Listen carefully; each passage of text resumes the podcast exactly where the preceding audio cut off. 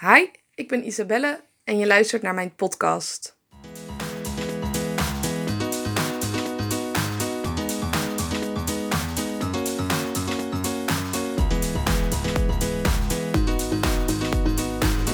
Goedemorgen allemaal. Ik ben onderweg naar het station. Ik ga met de eh, trein twee keer naar stage, want voor mijn studie moet ik een eh, x aantal uren stage lopen. En ik vind het leuk om stage te lopen en dingen te leren. Maar hoe meer ik het doe, hoe meer ik besef, dit is niet wat ik wil. Ik wil wat anders en dat is ook een hele mooie les.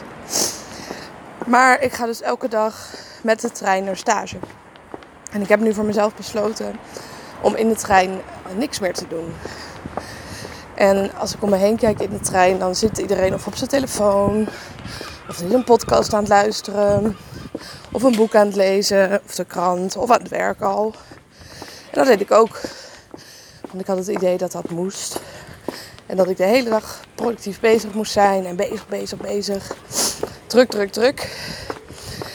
En ik werd er ontzettend moe van. Ik wist eerst niet zo goed waardoor het kwam. En ik was bang dat ik een burn-out zou krijgen. Ik denk, ja, ik doe te veel. Op een gegeven moment moet ik daar de prijs voor gaan betalen. En dan zal ik wel ergens een burn-out krijgen.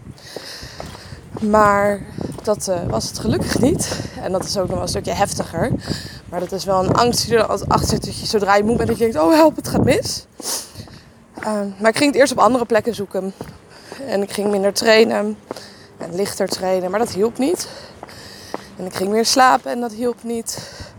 En ik ging anders eten en het hielp niet. En toen kreeg ik het inzicht van...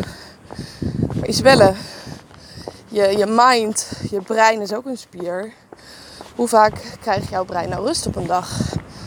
Toen dacht ik, ja, ja maar ik slaap s'nachts. En ik mediteer 15 minuten per dag. Ja, dat is dus te weinig.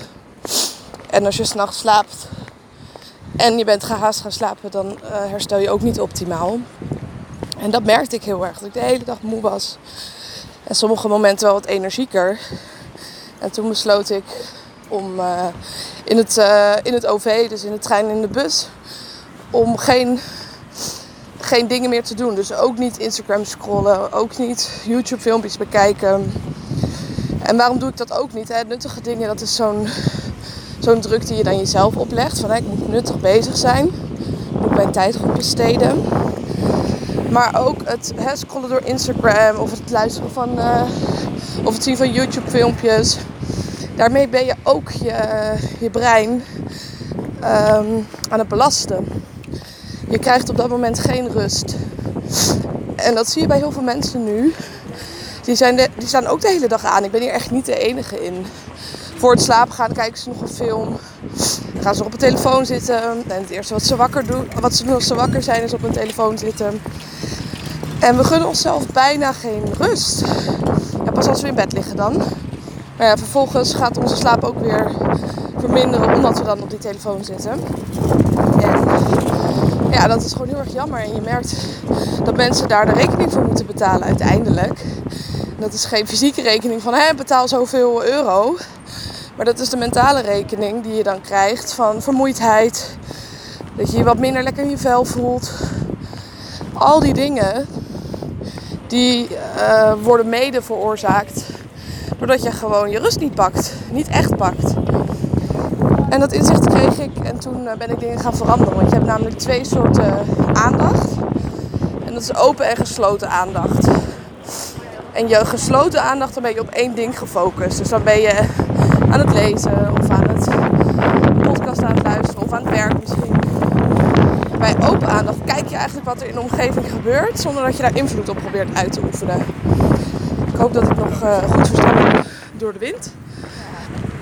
En ja, je, je, neemt gewoon waar. Je, je bent je als het ware in mijn ogen aan het vervelen. En vervelen is een hele slechte term in het Nederlands. Dat heeft een bepaalde lading. Dat we denken, oh vervelen is slecht. Want je moet dan even wat gaan bedenken wat je gaat doen. Maar vervelen is ook heel gezond. Omdat je dan juist op ideeën komt. En creatieve inzichten. En je brein krijgt dus even rust. Dus hè, jezelf vervelen, dat is zo gek nog niet. Maar wanneer heb je jezelf nou voor het laatst ja, echt verveeld? Ja, ik hoor het weinig of ja, mensen die, die even niks aan het doen zijn. Gebeurt ook niet veel. En als je dan hè, dat kwartiertje aan het mediteren bent, kijk dan ook hoe het in verhouding staat. En hè, als je een kwartier aan het mediteren bent, maar vervolgens sta je de hele dag aan, dan ben je ook je spier, je breinspier aan het overbelasten. Want als ik je zou vertellen dat ik 10 uur per dag aan het trainen ben, dan zouden mensen ook zeggen, Isabel, dat kan niet goed zijn. En dat doe ik gelukkig ook niet. Maar er zijn genoeg mensen die meer dan 10 uur per dag aanstaan. En bij spieren weten we van, die hebben rust nodig. Maar je brein heeft ook rust nodig. En dat is niet alleen die 8 uurtjes die je slaapt per nacht. En bij sommigen zelfs nog minder. Maar dat is ook die momentjes tussendoor die je rust pakt.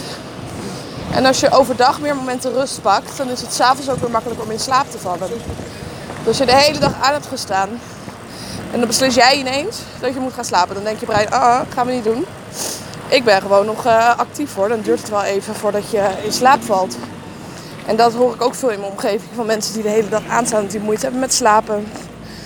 Vervolgens vermoeid wakker worden, heleboel koffie erin gooien om toch uh, weer te kunnen gaan. En in die cirkel blijven ze rondgaan en rondgaan. En ik wil je uitdagen om die cirkel te gaan doorbreken. En om te kijken van op welke momenten zou ik even niks kunnen doen. Bedankt voor het luisteren naar mijn podcast. Ik hoop dat ik je even power heb kunnen geven. En in de inzicht dat je denkt, damn, nu kan ik weer even gaan. Vergeet me niet te volgen op Instagram, isabellelifts. Of mijn site even te bezoeken, isabelleveteris.com.